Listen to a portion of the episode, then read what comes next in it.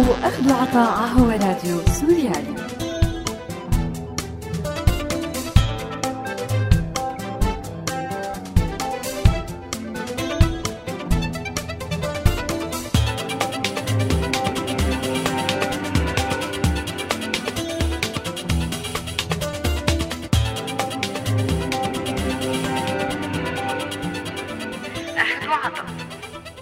أعزائي المستمعين أهلا وسهلا فيكم.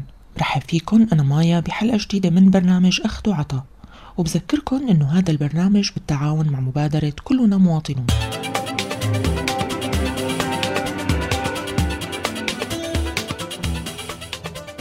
بالحلقة الماضية حكينا عن الآشوريين والسريان وتطرقنا لأماكن تواجدهم بسوريا وتعدادهم بالمنطقة. وكمان توسعنا بالحديث عن الإمبراطورية الآشورية اللي كانت بتماثل قوة دولة عظمى بوقتنا الحالي. وكيف كانت اللغة الآرامية المعتمدة بالإمبراطورية عامل مهم لخلق هوية جامعة لكل مناطق الحكم بالإمبراطورية الآشورية إضافة لأهم معالم هالحضارة من فن وموسيقى وعمارة واللي تعرضت للدمار والخراب بسقوط الإمبراطورية بالقرن السادس قبل الميلاد واللي ترافق معها ارتكاب مجازر فظيعة بحق المواطنين الأشوريين. ولكن السؤال شو صار ببقية السكان؟ وهل تم إبادة الآشوريين بشكل كامل؟ للأسف ما كانت مجازر السقوط هي آخر المجازر المرتكبة بحق الآشوريين وإنما تبعها مجازر كتيرة على امتداد الزمن رح نحكي عن هالموضوع بالتفصيل وكمان رح نحكي عن التهديدات والطموحات عند الآشوريين والسريان السوريين مع ضيفنا أسامة إدوارد مدير الشبكة الآشورية لحقوق الإنسان بس بعد الفاصل خليكن معنا عم تسمعوا أخذ عطاء على راديو سوريالي أهلا وسهلا فيكم من جديد بداية خلونا مع هذا الاستطلاع أخذ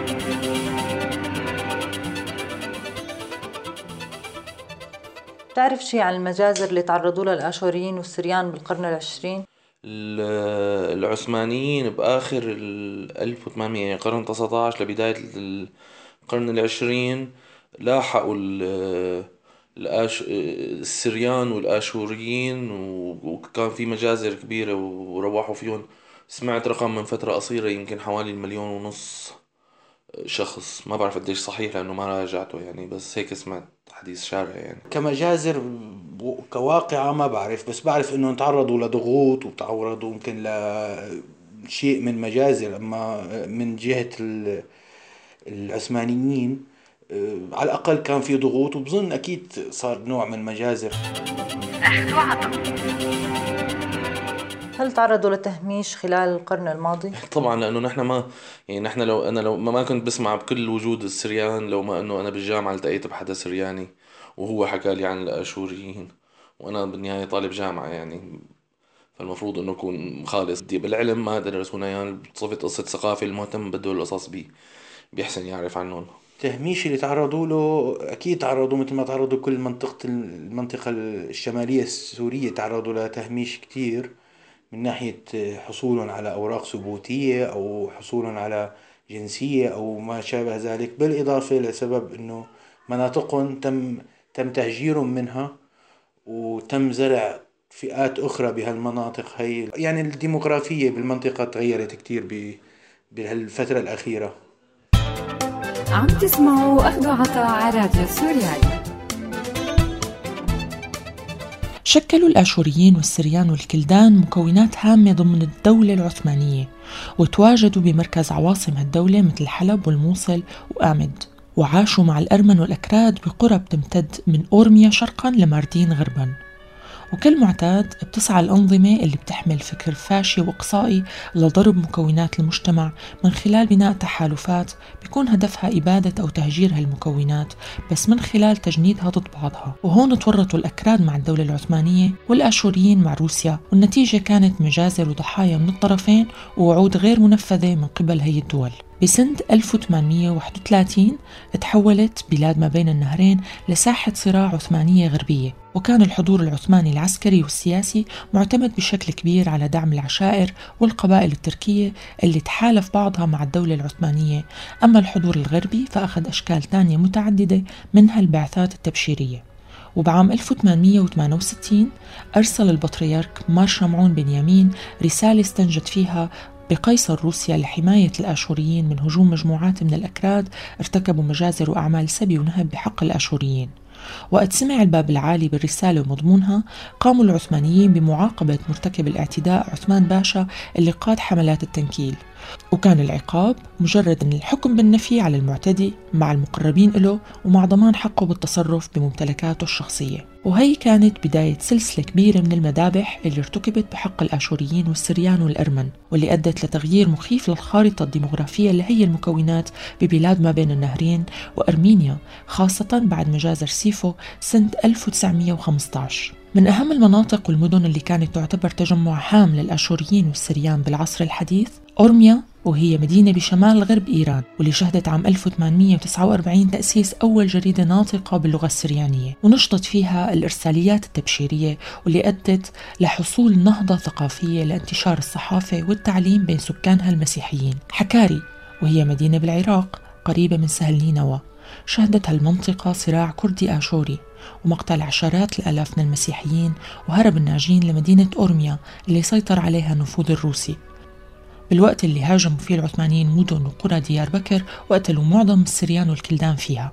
طور عابدين بجنوب شرق تركيا وكانت أهم تجمع للسريان الأرثوذكس. بوقت ما كان في حدود سورية تركية. وكان الفرق الكبير بين مستويات التعليم بين مسيحيي ومسلمي هالمناطق عم يثير قلق السلطات العثمانية اللي أصدرت قرار بإغلاق المدارس المسيحية المفتوحة بدون فرمان رسمي وربط فتح المدارس بالباب العالي حصرا. بعام 1915 ارتكبوا العثمانيين أبشع المجازر بتاريخ الأشوريين إضافة للأرمن والكلدانيين والسريان.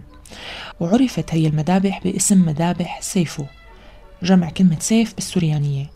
أو مذابح الآشوريين ومذابح السريان وهي عبارة عن سلسلة من المذابح اللي قامت فيها قوات نظامية تابعة للدولة العثمانية بمساعدة مجموعات مسلحة كردية شبه نظامية. المجازر ارتكبت أثناء وبعد الحرب العالمية الأولى وتحديدا بين عامي 1915 و 1924 ليلة راس السنة عام 1915 قدرت القوات العثمانية تخترق الدفاعات الروسية بإيران وتسيطر على مدينتي تبريز وأورميا. وبنفس الوقت وبتحريض من العثمانيين قامت عشائر كردية بالهجوم على قرى أشورية وكلدانية بمقاطعة ألباق وغاوار وكان العامل الحاسم بتوريط الآشوريين بالحرب ضد الدولة العثمانية هو اعتقال أخو البطريرك هرمس شمعون أثناء دراسته بإسطنبول.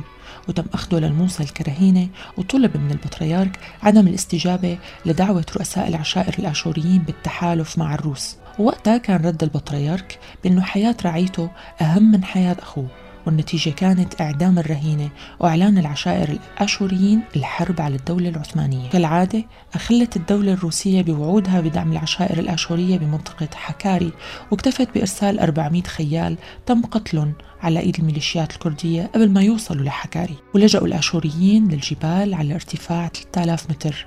وكان رهان الجيوش العثمانية أنه الثلوج رح ترغم الآشوريين على النزول والمواجهة من جديد.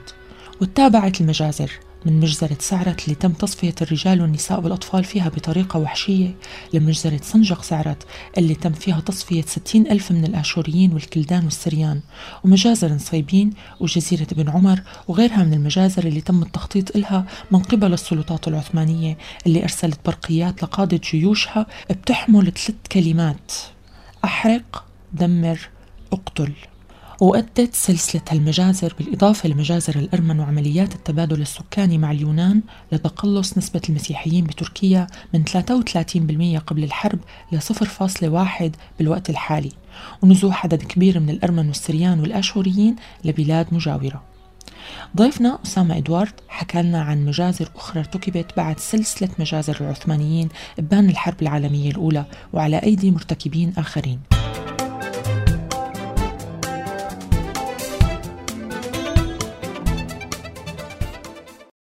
للأسف كان في سلسلة مجازر متلاحقة في هذاك الوقت. يعني للأسف القرن القرن العشرين في بداياته خصوصي العقدين الثلاث العقدين أو الثلاث عقود الأولى كانت مرحلة كثير حاسمة مفصلية مهمة دقيقة بالنسبة للأشوريين. في وقتها الأشوريين شاركوا بالحرب العالمية الأولى إلى جانب الحلفاء طبعا ضد ضد المحور يعني المانيا وتركيا.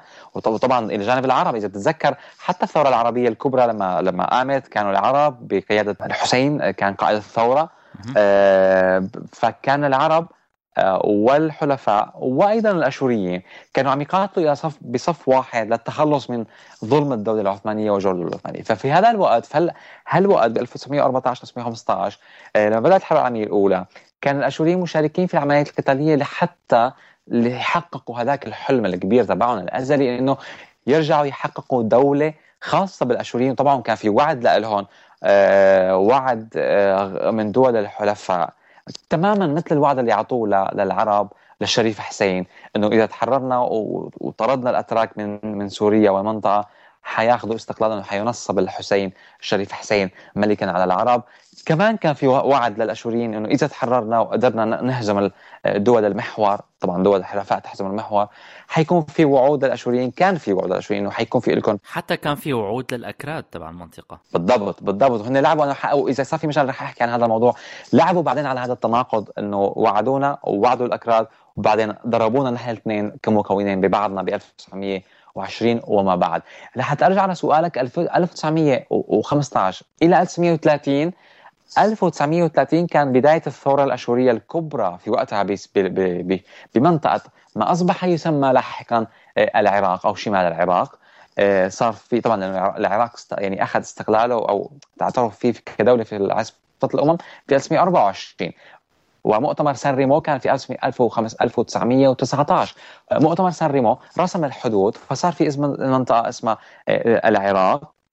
والاشوريين كانوا وقتها عم بيحاربوا ويناضلوا لحتى طبعا بقيادة بقيادة البطرك كان اسمه وقتها البطريرك آه، مار بنيامين شمعون. ومار إيشاي شمعون هم اللي قادوا الثورة وكانوا موجهين الثورة. حرم الأشوريين طبعا لم توفى لم يوفى بالوعود واضطرت الحكومة العراقية حتى تسكت الأشوريين وتخمد ثورتهم إلى قصف القرى الأشورية بالطيران طبعا كان الجيش الإنجليزي وقتها والجيش العراقي. آه، وكان بوقتها آه، بكر صدقي هو وزير الدفاع ورئيس الحكومة أمر الطيران الحربي بقصف البلدات والقرى الأشورية في منطقة شمال العراق وأبيدت المنطقة بالكامل. كانت تلك مذبحة مروعة. طبعا وهي مذبحة أجت بعد 1915 مذبحتين على التوالي فيما بعد آه، كانت هي أسوأ مرحلة آه، تقريبا تقريبا من 1933 طبعا عم بحكي أنا عن 7 آب. 33 هو يوم القصف اللي صار ببلدة سيميل والمنطقة المج... والمناطق المجاورة لها واتخذ هذا اليوم لاحقا كعيد ل... ل... لعيد الشهيد الأشوري. كان بوقتها هذا اليوم آه، هو اليوم الكارثي اللي أدى إلى خلخلة هذا الوجود الأشوري الوجود الأشوريين السريان في في سوريا والعراق والمنطقة بدأ بالتخلخل منذ هذا اليوم 7 آه، آب 1933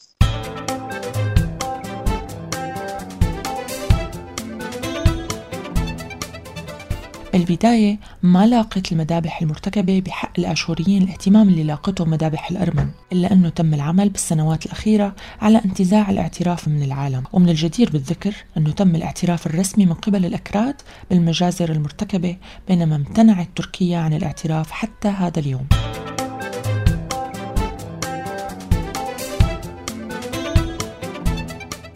إذا بدنا نحكي فعلا على الديموغرافيا تبع الآشوريين والسوريان بالمنطقة بفترتها قديش كان تعدادهم وأماكن تواجدهم واليوم آه، يعني إذا بدنا نمشي على الخط الزمني أول شيء المجازر اللي صارت بهديك المنطقة ولاحقا الأحداث اللي عم تصير بالوقت الحالي.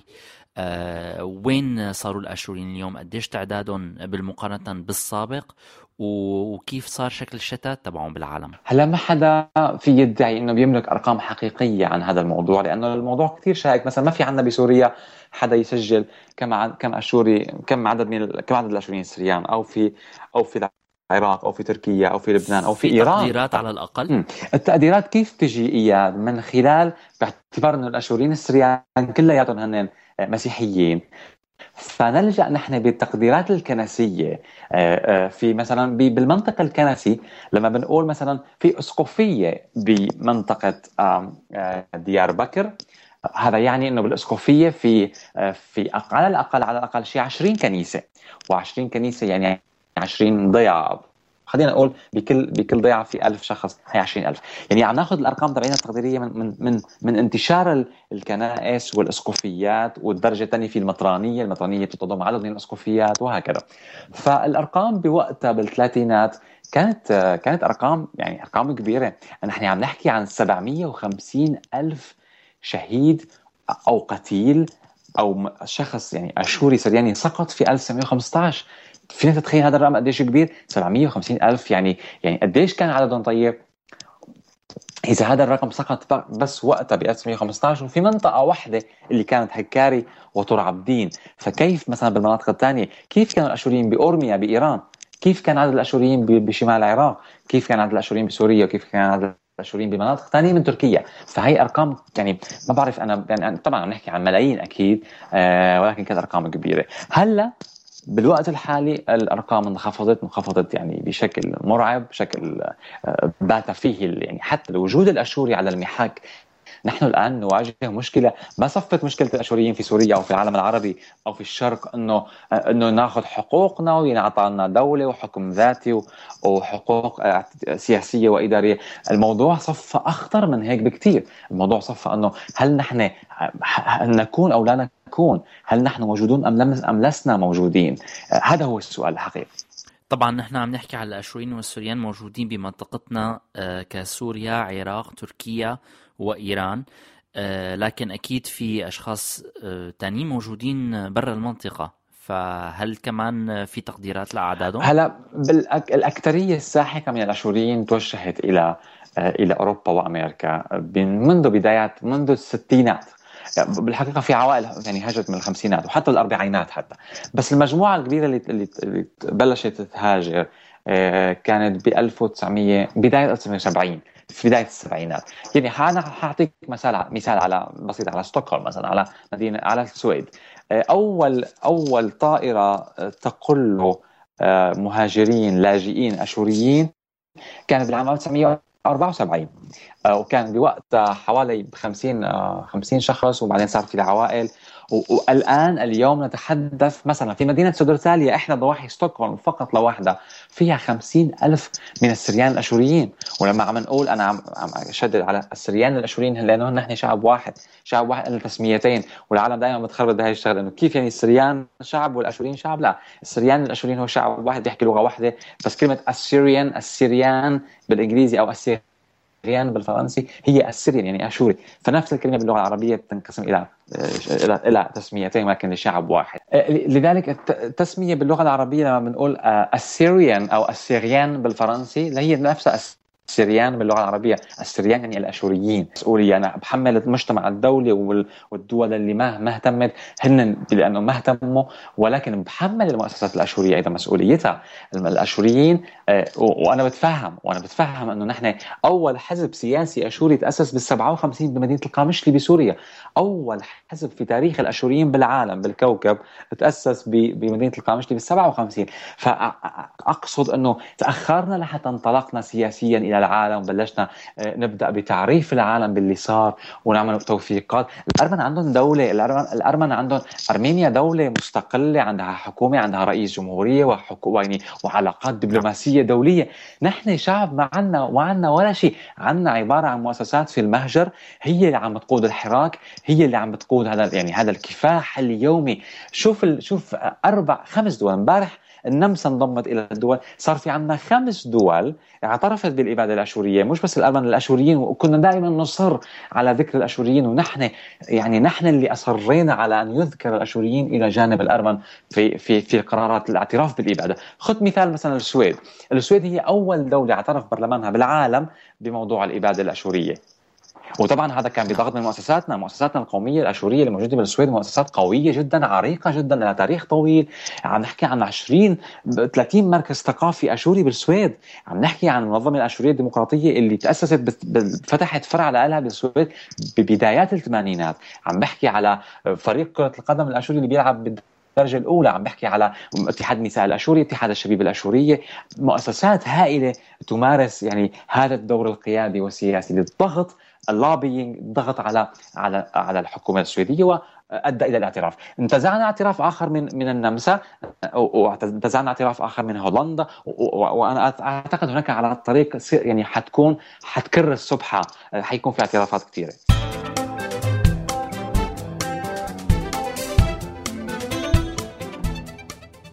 شو بتعرف عن أوضاع الاشوريين الحالي بسوريا؟ مهددين عم يهاجروا. هلا هن طبيعة المنطقة الموجودين فيها عم كونها تحت آه، تناحر داعش ووقع إنه توجهوا للهجرة مثل أغلب سكان هذيك المنطقة. يعني حتى الكراد تبعت هذيك المنطقة عم يحاولوا يهاجروا. بتوقع هن كونهم تعدادهم قليل كمان أغلب التعدادات القليلة عم يتوجهوا للهجرة على أوروبا. أه، معلوماتي من الأصدقاء إنهم أغلبهم بدوا يهاجروا. شو دور الآشوريين والسريان بالصراع الدائر؟ وشو بتعرف عن قوات السوتورو؟ ما هي هي أول مرة بسمع بالسوتورو بس يعني مثل أي حدا عم يحاول يدافع عن حاله بتوقع يعني إنه كونه الاسم ما عرفت شو معناته. بس يعني بتوقع إنه حدا مشكل حماية عن حاله. ما سمعت لهم عن دور آه، حيوي فعال على الأرض على الأقل. بس سمعت لهم عن دور مثلا بحكم مجلس حقوق الإنسان أو هيك شيء إنه جمعية آشورية حسنت توصل صوتها لمجلس حقوق الإنسان غير هيك ما هي الشيء الوحيد اللي بعرفه بصراحة أه، شو بتعرف عن الصدام بين داعش والآشوريين بالفترة الأخيرة؟ صدام هذا حصرا ما بعرف عنه شيء بس بعرف إنه هي داعش كل كل حدا اقليات عملت فيه مجازر وحاولت تهجير و... الصدام يعني داعش بشكل عام اصطدمت مع الجميع.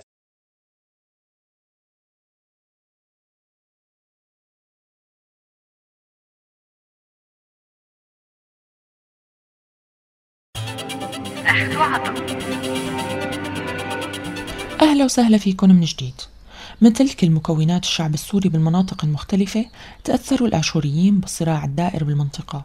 ونظرا لتواجدهم بمناطق قريبة على جبهات ساخنة مهددة بهجمات من قبل متطرفين شكلوا الآشوريين والسريان قوات السوتورو سنة 2013 واللي اقتصر دورها على إقامة حواجز ونقاط لحماية مناطق التواجد الآشوري والسرياني بما يشبه اللجان الشعبية والدفاع الوطني دون المشاركة بالقتال. لكنهم اضطروا للعمل العسكري بعد هجوم داعش على القرى الآشورية واختطاف العديد من سكان هي القرى وخاصة ما جرى بتل تمر بأول العام الجاري. ضيفنا أسامة إدوارد حكى لنا أكثر عن التهديدات اللي بيعاني منها الوجود الآشوري والسرياني بالمنطقة وبنفس الوقت عن تطلعات هذا المكون بسوريا المستقبل.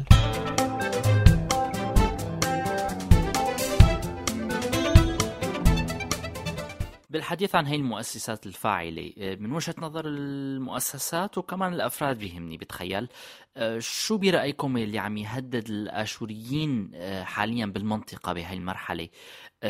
بشكل عام يعني عم نحكي أكيد وبخضم المرحلة والتوجهات السياسية وشو هي التوقعات والتغيير اللي بيطمحوا له الآشوريين بالمنطقة وكيف بيلاقوا الحل لحتى يتلافوا هذا التهديد؟ هلا أنا بدي أجاوب على سؤالك بس خليني أرجع شهر شهر ونص كان في اجتماع. نعم. للأمم المتحدة لمجلس حقوق الإنسان والتقينا.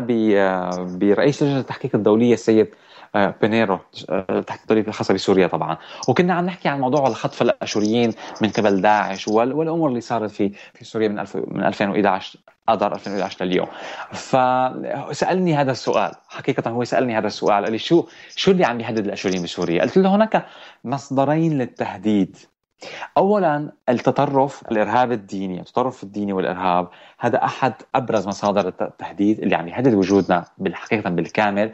وشفناه يعني داعش شو عملت بالقرى الأشورية مثلا بالعراق. كيف سحقت ونسفت ودمرت المباني والتماثيل والأديرة والكنائس والآثار والبوابات اللي عمرها آلاف السنين. آه، أيضا آه، هجرت الناس من المنطقة بألقوش ومناطق سهل نينوى اللي أفرغ نهائيا لأول مرة منذ تأسيس العاصمة نينوى كانت عاصمة الأشوريين أفرغت نينوى من سكانها الأصليين. آه قلت له هذا هذا السبب هذا محور من محاور التهديد. والمحور الثاني هو محور الدكتاتورية. الأنظمة الاستبدادية في المنطقة هي أحد وسائل أو أحد أبرز أيضا مصادر التهديد بالنسبة للأشوريين وبالنسبة للأقليات. قلت له الأقليات هم مش بس الأشوريين الأقليات دينية وإثنية وعرقية أيضا الليبراليين في سوريا أقلية الديمقراطيين في المنطقة العلمانيين في سوريا والعراق والمنطقة قيمة الأشوريين وتسحقهم بتدمرهم تلغي هويتهم. تصور أنا عايش بدولة دولتي اللي هي دولتي سوريا اللي اسمها اسمها سوريا مأخوذ من من اسيريا من آشور من اسمي أنا كقومية عاطي البلد تسميتي. في هذا البلد البلد ما بحس فيه إنه أنا مواطن محروم إني أنا أعبر عن عن عن هويتي القومية. في هذا البلد اللي منعني إني أحكي لغتي إني أغني بلغتي إني أعمل مسرح إني أعمل إعلام في سوريا بلغتي. ليه مثلا ما كان في بالإعلام السوري ربع ساعة وهذا كان طلبنا على مدى 20 عام إنه يا أخي ربع ساعة بالأسبوع احكوا مثلا بلغتنا السوريانيه حطوا أغنية مثلا بالآشوري على التلفزيون السوري حتى أقصى أقصى أدنى درجات الاعتراف بهذا الوجود كانت مقموعة كانت ممنوعة. اذا الاستبداد يمسح الهوية القومية ويهدد الوجود والإرهاب يستكمل ما لم ينجح النظام أو ما لم ينجح ينجح الاستبداد في أن يطبقه تأتي داعش وتأتي هذه القوى المتطرفة الظلامية لتستكمل ما بدأه ما بدأه الاستبداد. معناتها على حسب ما بفهم من كلام حضرتك إنه كتوقعات آه، شيء متعلق بالمواطنة والحقوق المتكافلة والمتساوية للجميع آه، شيء بيضمن لكم آه، التعبير عن هويتكم هو شيء ممكن تحسوا قصدك بسوريا؟ تطمحوا له نعم. بالأحرى هي هذا هذا أول مطلب ونحن نعم. لذلك لما كان خيار لما انطلقت الثورة السورية ب 1000 ب 2011 بآذار هذا كان خيارنا. نحن بالحقيقة انطلقنا بالثورة السورية قبل هذا التاريخ. آه، طبعا أنا أنا لا أدعي أنه كل الأشوريين مع الثورة أكيد. أنا بعرف أنه في قسم كبير من الأشوريين مؤيد للنظام وهم وهم أحرار طبعا وهذا رأيهم وأنا بحترمه. ولكن على الأقل المجموعة اللي نحن كنا نمثلها وأنا أعني بالتحديد المنظمة الديمقراطية الأشورية المنظمة المنظمة الأشورية الديمقراطية اللي اليوم رئيس رئيسها ومسؤول مكتبها السياسي معتقل عند النظام السوري. هذا هذا التيار التيار الأشوري التيار السياسي الأشوري أخذ تبنى خيار التغيير والإصلاح في سوريا مش بس بعد الثورة بالحقيقة من ال2000 لما كنا جزء من ربيع دمشق وكنا جزء أساسي في في حوارات في حوارات مثلا المنتدى الأساسي بتذكر وكنا مؤسسين أساسيين لإعلان دمشق 2005 وكنا مؤسسين أساسيين للمجلس الوطني ولاحقا الائتلاف إلى آخره. اذا خيارنا كان خيار الشعب السوري في التغيير ومطالبنا كانت ونحن شفناها فرصة حقيقية إنه هاي الثورة هاي الثوره حتحقق لنا هذا المطلب الأزلي التاريخي اللي نحن بنفكر فيه إنه أن تأتي سلطة ديمقراطية آه، مدنية في سوريا تستوعب الآخر تعترف بنا نحن كأشوريين كمكون قومي. تعترف دستوريا طبعا فينا. مش يجي واحد من المخابرات يقول لي إيه والله أنتم الأشورية والله على راسنا. وبس يطلع هذا رجل المخابرات بيعتقلوا شي 50 واحد من, من, من الأشورية. اعتراف دستوري حقيقي بطريقة قانونية تقر فيها أو يقر فيها الدستور السوري تقر فيها الدولة السورية دولتنا نحن إنه هذا المكون الأصلي مكون أساسي في سوريا هو مكون أصلي من من الشعوب الأصلية المؤسسة لسوريا كدولة ك ككيان تاريخي واليوم هم مشاركين في صنع هذا المستقبل هذا التاريخ يعني تاريخ السياسي حديث سوريا فالاعتراف بحقوقهم الاعتراف بوجودهم حقوقهم الإدارية حقوقهم السياسية تمثيلهم بالبرلمان يكون في عندنا كوتا مثلا من 10 اشوريين بالبرلمان السوري يكون في عندنا وزير مثلا ممثل بالحكومة ويكون في عندنا بالإعلام السوري جزء مخصص للإعلام الاشوري ويكون في عندنا بالإدارات وبالمؤسسات. بالمناطق اللي بيشكل فيها الاشوريين اكثريه مثلا خذ مثال منطقة سهل الخبور اللي هي تتألف من 34 بلدة وبلدية أشورية. ممكن يكون فيها تكون اللغة الأشورية أو اللغة السريانية بنسميها نحن اللغة الرسمية مثلا في المنطقة. تدرس في المدارس تعلم لأطفالنا. هي كانت هي كانت تطلعاتنا. هي كانت هيك كانت قراءتنا لأنه هي الحقوق اللي نحن عم نناشد فيها ونطالب فيها كيف كنا متصورين إنه حتتنفذ على أرض الواقع ضمن طبعا دائما ضمن اطار ونحن دائما بنركز على هي النقطة دائما ضمن إطار سوريا الدولة القوية الواحدة الموحدة ارضا وشعبا وتكون هي المكونات الإثنية والعرقية والدينية تشكل يعني آه، طيف ألوان متعددة في هذا الطيف السوري الواسع. بسوريا المستقبل التحدي الحقيقي واللي رح يعمل فرق هو وصول سلطة قادرة على إدارة التنوع بالبلد بطريقة بتحمي المواطنة والهوية الوطنية وبنفس الوقت بتعترف بالغنى والتنوع اللي عم يشكل أجزاء هي الهوية. سوريا هي سوريا بمكوناتها المختلفة هن جزء من الكل الكل اللي ما بيستغني عن أي جزء من أجزائه. بنهاية حلقتنا أنا بودعكم أصدقائي على أمل أني ألتقي فيكم بحلقة جديدة من أخذ وعطا الأسبوع الجاي. لا تنسوا تتابعونا على موقعنا سوريالي دوت كوم وارشيفنا بتلاقوه على الساوند كلاود وولفوا علينا اف ام